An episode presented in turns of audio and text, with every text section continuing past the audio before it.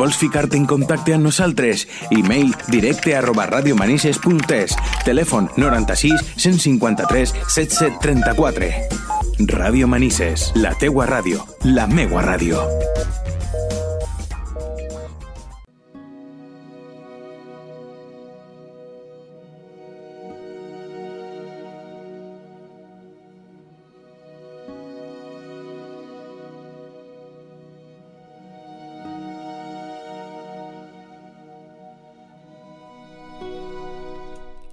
Obrim com cada dimecres a diari amb este espai dedicat al món del cinema. Per això tenim connexió amb el nostre crític, amb Eduardo Casanova. Molt bon dia, Eduardo. Hola, què tal? Bon dia, com estem? Molt bé, la veritat que amb ganes de comentar moltes coses perquè esta setmana, abans de conèixer les teues crítiques, volem destacar que hem tingut molt bones notícies.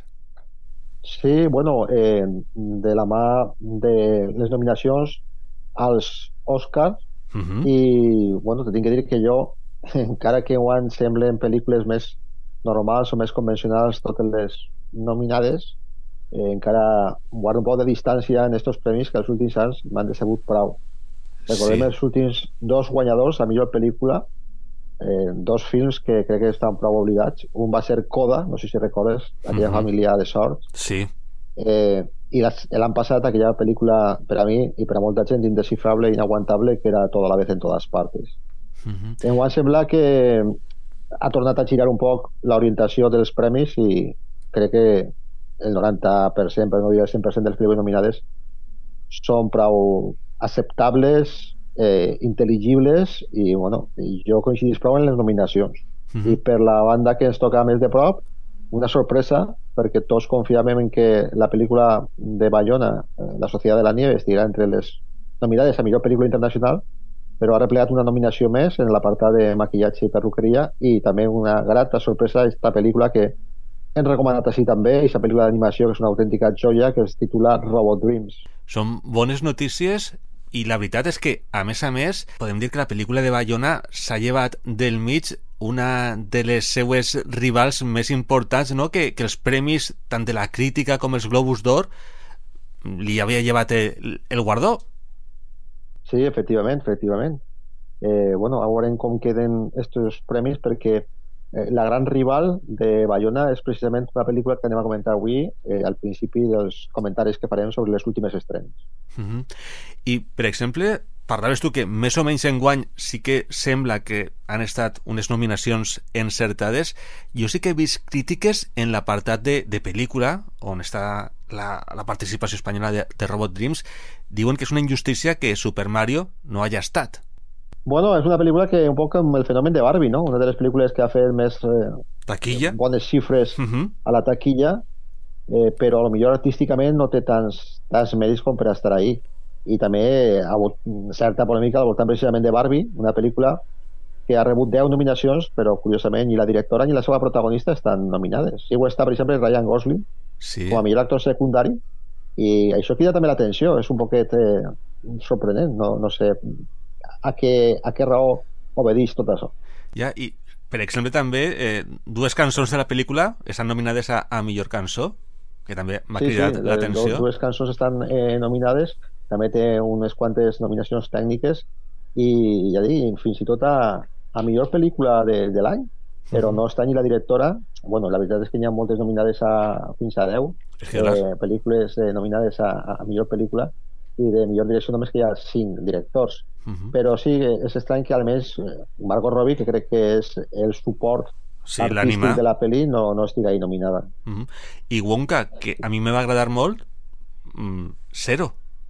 Sí, Wonka és una pel·lícula magnífica, un espectacle eh, clàssic, nadalenc i, i fantàstic, i bueno, tampoc eh, ni en les cançons ni en els apartats tècnics ap- apareix la seva la seva nominació eh, és un poc eh, tot eh, estrany, no caben totes, Clar, però però, sí que algunes de les coses que assenyales eh, sorprenen, com a mínim. sí, sí, però, clar, antigament les nominades a millor pel·lícula, que eren 4, 5, ara són 10.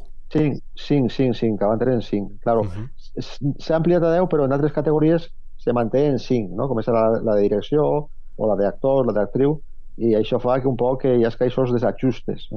Uh -huh. Bé, no passa res. Nosaltres anem a conèixer aquelles pel·lícules que han arribat recentment a les sales. La setmana passada ho avançaven. Una de les estrenes era amb segell espanyol El Correo. Què pots contar-nos d'ella? Bueno, eh, Daniel Carpasoro demostra la seva bona mà per al thriller Uh -huh. i ens oferís eh, un intens thriller, eh, una intensa intriga que parla de la codícia, de l'ambició i de la corrupció. Està basada en fets reals i diguem que eh, reprèn el que va ser un episodi negre de la nostra història recent, i ara te contaré per què. Uh -huh. És una pel·lícula que, d'alguna manera, encara que té un to prou diferent i molt més irònic, emparenta un poc en aquella magnífica cinta de Rodrigo Sorogoyen que va ser El Reino en quant als continguts.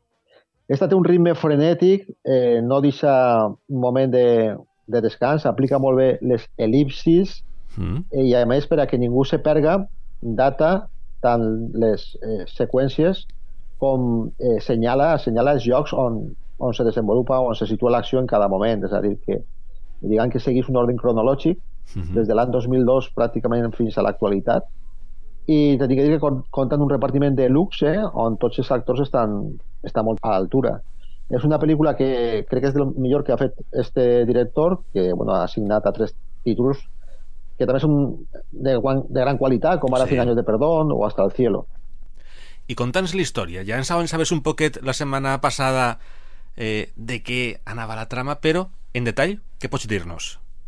Mira, ens, ens situem en, en Madrid, en l'any 2002, i allí coneguem a qui és el protagonista. Li diuen Ivan, i ell eh, viu a Vallecas, en un barri obrer, amb la seva família, que ha tingut moments eh, molt bons, però que ara, diguem, atravessa una època no massa bona, i eh, somia en gran, no? Ell eh, es dedica a aparcar cotxes a un club de golf a Madrid, eh, als afores de Madrid, però ell eh, somia en que algun dia eh, aplegarà molt lluny. I, efectivament, el destí i també el seu atreviment li ofereixen aquesta ocasió i aconsegueix contactar en una xarxa, una organització que es dedica a blanquejar diners, a blanquejar capitals. Sí. Eh, Ginebra, mm, Brussel·les, eh, Marbella, se converteixen en els llocs de destí d'este eh, carter o, o correu Uh -huh. que poquet a poquet va coneguent diguem, els detalls d'esta organització, d'esta estructura, i en un moment donat decidís establir-se per el seu compte, muntar el seu propi negoci, no? Sí. Igual que ja conec com funcionen aquestes coses, jo me puc fer d'or, però què passa? Que els seus mentors no estan disposats a perdre una part de la tarta d'eixos diners i això li pot comportar molts problemes i Clar. molts perills. Uh -huh. A més, la policia també li segueix la pista, no sols a ell, sinó a tots els que, els que estan al seu voltant. Sí. Justifica molt bé la transformació paulatina que pateix este personatge.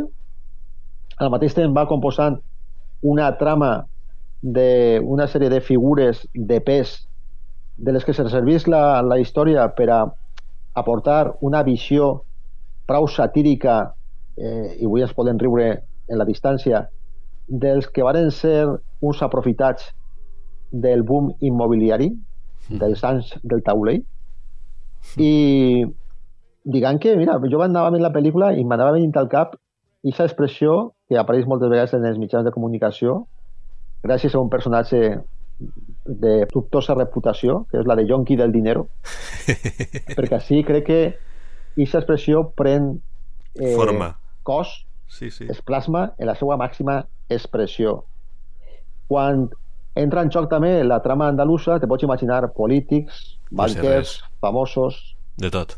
empresaris, i tot això, ja dic, eh, en, en una història que va creixent en emocions i que, bueno, eh, també fa un repàs d'aquesta etapa històrica, és a dir, relativament recent, i ho fa mitjançant un, mo un muntatge molt meritori de- d'imatges d'arxiu, que me va agradar, perquè eh, crec que en pocs minuts eh, te fa un repàs d'uns quants anys que avui, vist en, en perspectiva, La veritat és que te posen un poc escabit de punta i t'encoratginen prou, no? De com podíem aguantar a aquests tipus sense adonar-nos.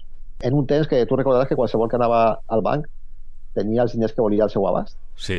Eh, Aaron Piper és un jove actor que l'hem vist en pel·lícules quasi sempre en papers secundaris, en sèries de televisió, com ara Fatum, una pel·lícula en la que va coincidir ja Luis Tosar, on torna a coincidir així. I crec que fa una interpretació molt notable, almenys davant de les càmeres, perquè també exercís de narrador, i aquest segon vessant no li queda tan bé.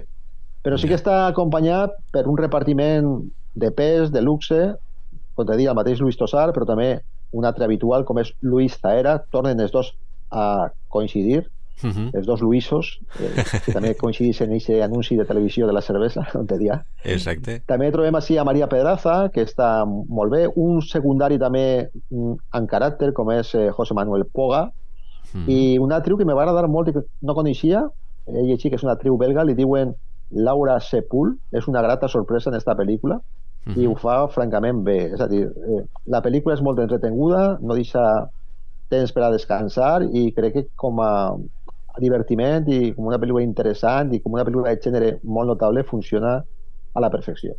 O sea, ritme trepidant el que ens oferís el correo. Efectivament, ja, ja t'ho dic, i, i anda molt bé a la, a la taquilla el primer cap de setmana i no era fàcil, tenint en compte la competència que hi ha. Uh -huh. I te tinc que dir que, que a mi me, me va plenar, és a dir, va superar les expectatives que tenia. Eduardo, quina és la següent pel·lícula que vols comentar? Precisament parlem ara d'una pel·lícula que, que, bueno, que, que és també d'aquest estil, uh -huh. però a l'americana. Eh? Es titula Beekeeper, el protector. Sí.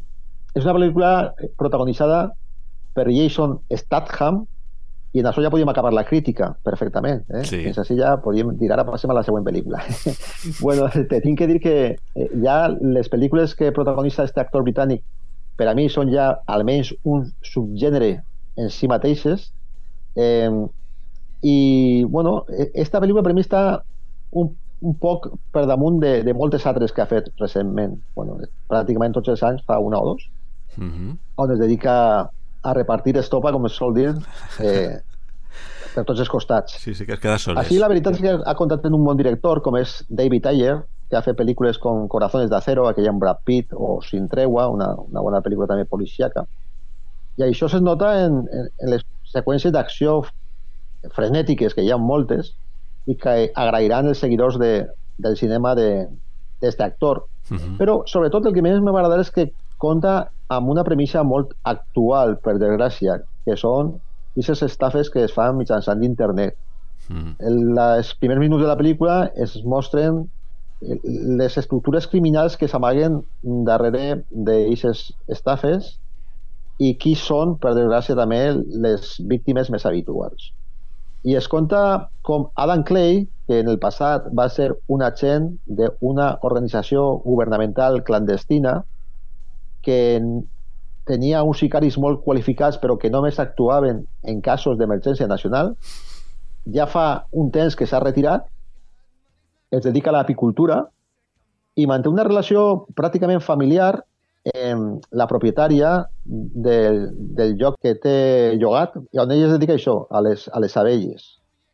Viu tranquil, apenas se relaciona en el món exterior, només que en esta, en esta dona que és molt entranyable, Uh -huh.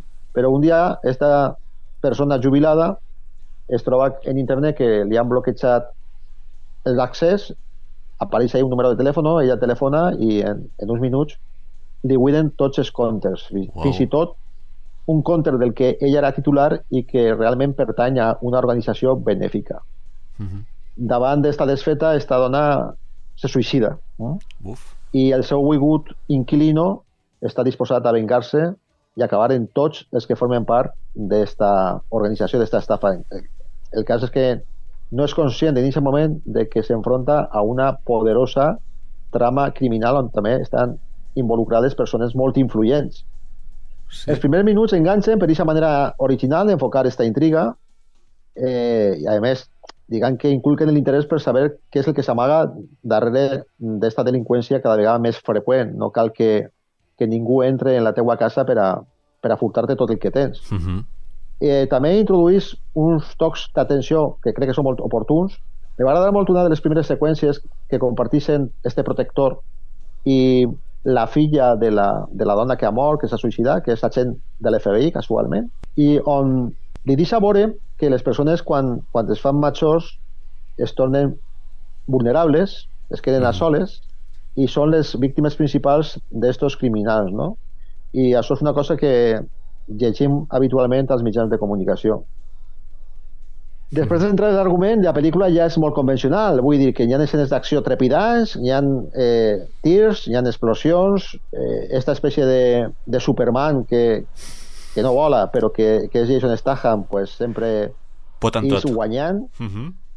perquè qui no hagi vist la pel·lícula o, o no o, o no hagi vist tampoc el tràiler una referència bona seria John Wick i aquestes pel·lícules de Keanu Reeves Uh -huh. perquè crec que els mateixos guionistes podrien haver firmat el guió de- d'esta història que té uns últims 20 minuts absolutament delirants i trepidants.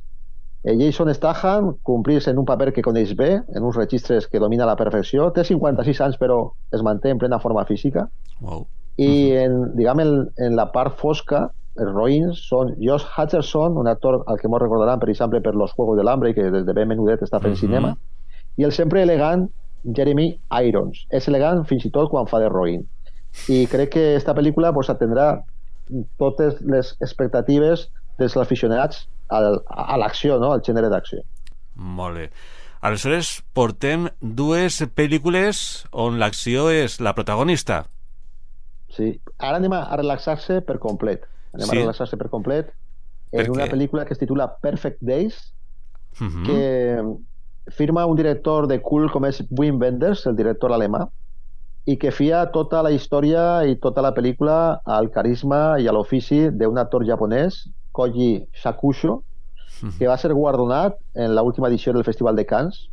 Per a mi el premi és un tant excessiu, encara que la interpretació és, és- està prou bé, té el seu mèrit, perquè apenas sense parlar aconseguís transmetre les seues inquietuds i les seues sensacions. Una pel·lícula que per a mi li sobra un poc de metratge, perquè són dues hores de duració, en uns eh, fonaments argumentals molt justos, sobretot en la primera part. Diguem que la pel·lícula guanya en els últims eh, 30-40 minuts, però fins a plegar ahir hi ha que Mhm. atravessar un xicotet desert de monotonia i al final ho compensa en una espècie de cant a la vida, en un to quasi poètic, que és el que més me va agradar de- d'esta pel·lícula, que també ha rebut molts premis i que també està nominada a millor pel·lícula internacional, és a dir, és una eh, competidora molt Sí, sèria sí, sí, és rival. de la Societat de la Nieve, com te dia abans. Eh, ens presenta un senyor major, d'un, al voltant d'uns 60 anys, Uh -huh. li diuen Hirayama, i ell treballa eh, en un servei públic mm, de, de la ciutat de Tòquio i es dedica a netejar els, els asseos, els asseos Mhm, de, els banys, de la sí. ciutat, els asseos públics. Uh -huh. Quan acaba la seva jornada laboral sempre fa el mateix. Eh, va relaxar-se a uns banys, es dedica a fotografiar arbres, que és la seva afició, i llig molts llibres. També li agrada moltíssim escoltar en el Wallman eh, música pop americana dels anys 60 i 70. És una persona que segueix les seues rutines eh, cada dia de manera eh, inalterable, podríem dir. Mm. Intuïm que arrastra alguns pesars, algunes tribulacions, però eh, durant molt de temps no sabem el que li passa o per què és una persona tan solitària o per què disfruta tant estant a soles, que Mhm. també és l'altra perspectiva. Clar. Així que inicialment la pel·lícula és molt lineal, no? Sembla que estem veient una història que ha entrat en bucle i això pot allunyar al públic de, de la pel·li. Eh, és que este home es dedica a, a, a netejar estos, estos retretes, alguns molt originals, eh? alguns en un disseny que crida l'atenció, que te donen ganes de viatjar a Tòquio només que, Per que això. a aquests asseos, Sí, sí. però eh, de vegades en quan sorgissin situacions anecdòtiques en el seu company de treball, en la nòvia del company, però en esta primera hora la pel·lícula és, és molt, molt minimalista. Mhm. Apenas el personatge pronuncia tres o quatre frases curtes.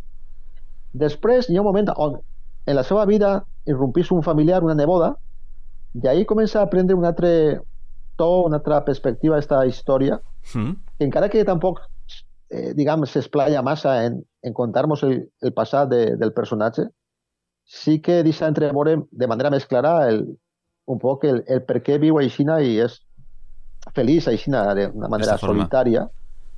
Eh, també trobem com és aficionat a, diguem, a les antigues tecnologies, a, als aparells antics, i no domina per a res ni les xarxes socials, ni res per l'estil, ni internet, ni res per l'estil. I mitjançant aquesta forma de ser també incorpora uns tocs nostàlgics que sobretot agrairan els espectadors més majors, com ara és el meu cas.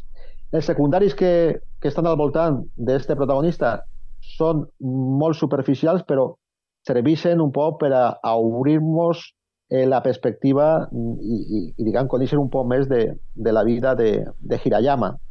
Sí.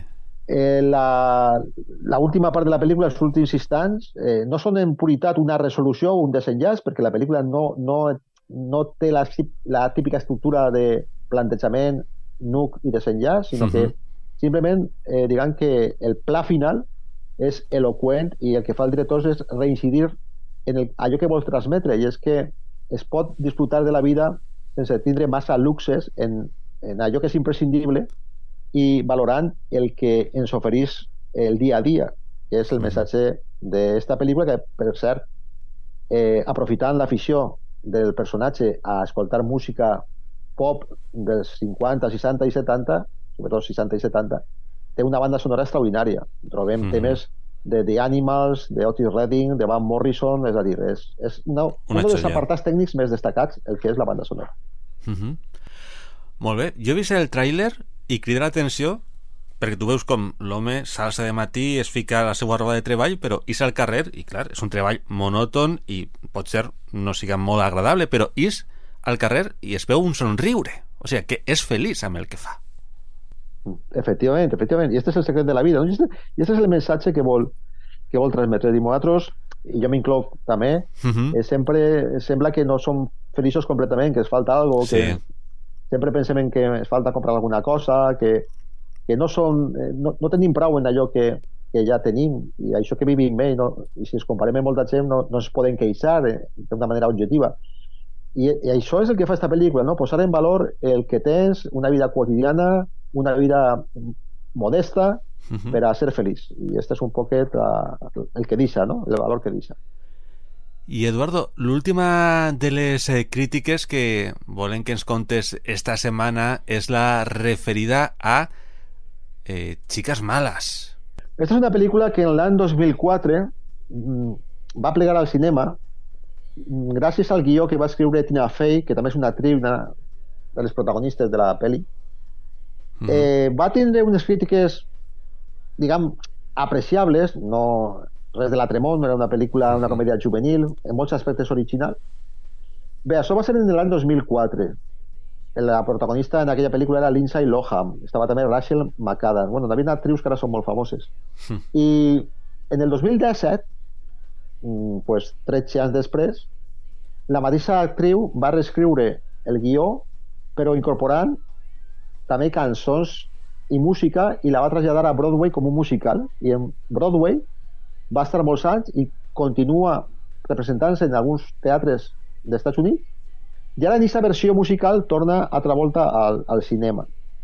Crec que millora l'original, eh, actualitza la història mitjançant el paper que avui juguen les xarxes socials, sobretot en el món dels instituts, en el món juvenil, seguís criticant i ridiculitzant en gràcia el classisme i la discriminació i crec que és una pel·lícula on trobem coreografies molt vistoses i unes cançons amb, amb unes lletres que s'integren perfectament en el guió uh mhm. -huh. i crec que la disfrutarà molt el públic juvenil sempre i quan no desprecie el gènere musical, que hi ha gent que el musical no li agrada. Exacte.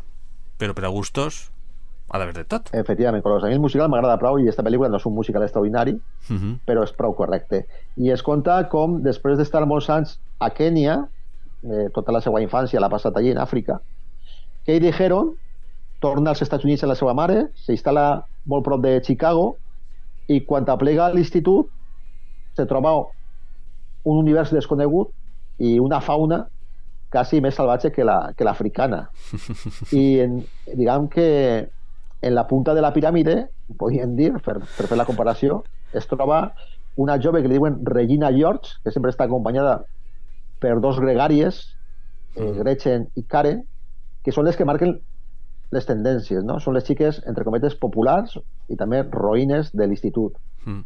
Ella, en principi, fa amistat amb els friquis del col·legi, no? Esta gent que és un poc més rara, la forma de vestir, la forma de ser, i li aconsellen que no s'aprope massa a aquestes joves perquè la poden capgirar.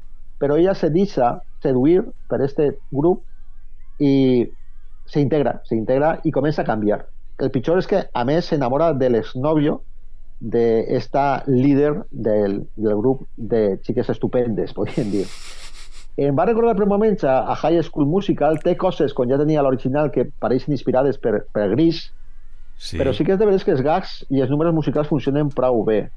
Acompanyen la transformació de la protagonista, les diferents transformacions i canvis que patís, mm -hmm. i hi ha secundaris que aporten unes notes còmiques molt apreciables, sobretot també els personatges adults, que també tenen algo que dir en esta història, que arreplega tots els tòpics del gènere, és a dir, eh, per una banda no falten les, les festes eh, escolars, uh mhm. -huh. en aquestes cases i en aquestes mansions on passa de tot, el concurs de talent, el festival nadalenc, on se produeixen situacions eh, molt tronxants, mhm. -huh. i després també eh, tracta eh, sempre en humor temes eh, com, per exemple, el ciberacós, eh, mhm. també la marginació, eh, diguem, els xicotets odis i manies que es tenen diferents grups d'estudiants i crec que tot això ho fa en un bon to fins al final ha cuidat molt el look el look de les estudiants perquè diguem que la forma de vestir també és objecte de la paròdia d'esta pel·lícula que incidís en una ironia corrosiva en el caràcter superficial d'aquelles persones que només que pensen en la seva apariència física. Me va agradar com ho fa Anguri Rice, una actriu que hem vist en pel·lícules fent papers secundaris com ara en aquella La seducció de Sofia Coppola junt a Nicole Kidman mm -hmm. i sí. s'adapta molt bé a l'evolució que experimenta el seu personatge i després també trobem una actriu que no és tan coneguda al cinema que li diuen René Rapp però que havia fet este mateix paper de mala o d'antipàtica en el teatre de Broadway i que ho fa molt bé. I com te deia abans, també la, la mateixa Tina eh, Fey repetís el seu paper de, de mestra que ja feia en la pel·lícula original. Hi ha també alguns algunes aparicions, alguns cameos sorprenents. Uh -huh. D'alguna manera són un, un homenatge a la pel·lícula Original. que es va fer en l'any 2004. Perfecte. Doncs Eduardo, anem ja amb les estrenes d'este divendres 26 de gener i arriba una pel·lícula que podem qualificar com potent. Sí, Pobres criatures. Una uh -huh. pel·lícula que esta setmana coneixem ha aconseguit 11 nominacions als Oscar la signa un director molt peculiar, com és el grec Yorgos Lantimos. A mi hi ha pel·lícules seues que no m'agraden gens, altres que me pareixen molt notables. Ha fet pel·lícules com Canino, con Langosta, com El sacrificio d'un ciervo sagrado, con La favorita, una de les millors. Sí. així es presenta una espècie d'història de Frankenstein, un metge, un, un científic, que li diuen Goldwyn Baxter, reviu a una jove que estava morta i la, va, la bateja com Bella, no? Bella Baxter. Però és com una espècie de persona nova, no coneix com funciona el món, és molt atractiva i acaba en, caiguent en la xarxa d'un advocat viva la verge, un advocat eh, que no té massa escrúpols i se l'emporta de viatge pel món. Ella és una jove que acaba de néixer en un cos adult o en un cos jove però que no coneix regles, no coneix prejuís i que se deixa portar per els seus impulsos i per els seus instints. Uh -huh. En el repartiment destaquen tres actors molt notables o sobresalients, com són Emma Stone, que tornen sí. un paper molt diferent al que li va donar la fama en La La Land, sí. Mark Ruffalo i Willem Dafoe. Eduardo, ¿te sembla que escoltem el tràiler d'esta pel·lícula? Anem en el tràiler. Soy Bella Baxter. Soy una persona imperfecta y propicia a los experimentos. Busco excursiones y aventuras. Vela mucho por descubrir. Eres la mujer más bella que he visto jamás. Estar viva me resulta fascinante. ¿Vela? ¿Por qué tenerlo en mi boca si es vomitivo? Voy a pegarle al bebé. Debemos experimentarlo todo. No solo lo bueno, también la degradación. ¿Cantamos? El horror. La tristeza. Así conocemos el mundo. Y cuando conocemos el mundo,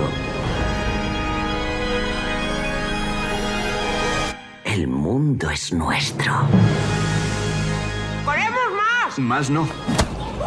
No nos excedamos. Una de les estrenes destacades d'esta setmana és Pobres eh, criatures, com acabem de sentir en este tràiler. També tenim producció francesa Los tres mosqueteros Milady. Sí, es la continuació de Los Tres Mosqueteros d'Artagnan. És que eh, la, la novel·la d'Alejandro Dumas es va adaptar recentment al cinema francès en, en dos pel·lícules. En lloc de fer una llarguíssima, en fer dos. En esta el protagonisme recau en Milady de Winter. Eh, és una pel·lícula on eh, retrobem a D'Artagnan justament on el deixàrem en la pel·lícula anterior, per aquells que la varen Mhm. veure. És a dir, eh, ha perdut, han raptat a, al, al seu amor, a Constance, ell és segestrat per eh, els matons del germà del rei, que és un conspirador, és l'hereu eh, i també és un conspirador. Eh, en aquests moments, mentre ell busca a Constance, es creu en el seu camí Milady de Winter, que vol seduir-lo, Mhm. i ell més tard se n'adona de que va ser la, la dona, l'exdona en aquest cas, del seu amic Athos. I a més sorgeix en aquest moment l'enfrontament de, de les tropes reals en els protestants que se refugien en el castell de la Rochelle. Això és històric. I és que després de, de l'intent d'assassinar que va patir el rei, que ho, vàrem veure al final de la, de la pel·lícula anterior, el rei declara la guerra als protestants. Eh, un repartiment de luxe on trobem altra vegada a François Civil, però també a Eva Green, que és precisament Milady de Winter, Vincent Cassel, Romain Duris, Pio Marmai, Vicky Krieps, eh, Louis Garrel, eh, bueno, un repartiment de luxe. S'incorpora un actor nou a aquesta segona part, Sí. que li diuen Ralph Amosu, que fa del primer mosqueter de raça negra. I això Ah. sí que està documentat històricament en aquells temps. I Sí, bueno, sí. pues eh, s'incorpora esta figura a esta segona part de, de la pel·lícula Los Tres Mosqueteros. Una curiositat. I per últim tenim El último soldado, una producció britànica. Sí, una pel·lícula basada en un fet real i és la història d'un veterà de la Segona Guerra Mundial que està a Mhm. punt de complir 90 anys i que s'escapa de la residència on viu i que vol el seu somni és aplegar a França per a participar en els actes commemoratius del 75 aniversari del final de la Segona Guerra Mundial. I en aquest camí van apareguent els vells fantasmes, els horrors de la guerra, fins a que aplega el seu destí. Una pel·lícula que protagonitza Pierce Brosnan, bueno, Pierce Brosnan que avui en dia té 70 anys, però s'hi fa d'un home de, de 89. Mhm. La resta d'actors no són massa relevants. Destaca el nom de eh, Clemence Poesy, la que hem vist en pel·lícules com Mhm. Tenet o eh, Escondidos en Brujas o, o en la saga Harry Potter. Mhm. Sí, sí, sí. Però sí. l'absolut protagonista sembla que és Pierce Brosnan, molt allunyat d'aquells papers de James Bond que, que va fer fa uns anys. Exacte. I bé, Eduardo, nosaltres anem a deixar-lo així, però este cap de setmana tenim premis. Sí, tenim els Premis Feroz, els premis que donen els crítics de cinema. Estarem en la gala que esta nit es celebra en, bueno, en el Palau de, de Vistalegre Mhm. de Madrid i contarem la setmana que ve com ha anat aquesta gala, qui són els guanyadors. Hi ha eh, pel·lícules com Cerrar los Ojos, con La Sociedad de la Nieve i sèries com La Mesías que aspiren a ser guardonades en, en premis importants. També la mateixa Robo Dreams està també entre les candidates. Molt bé. Doncs la setmana que ve ens contes més detalls. Moltíssimes gràcies, Eduardo, i fins divendres que ve. Fins divendres que ve, bon cap de setmana. Igualment, adeu.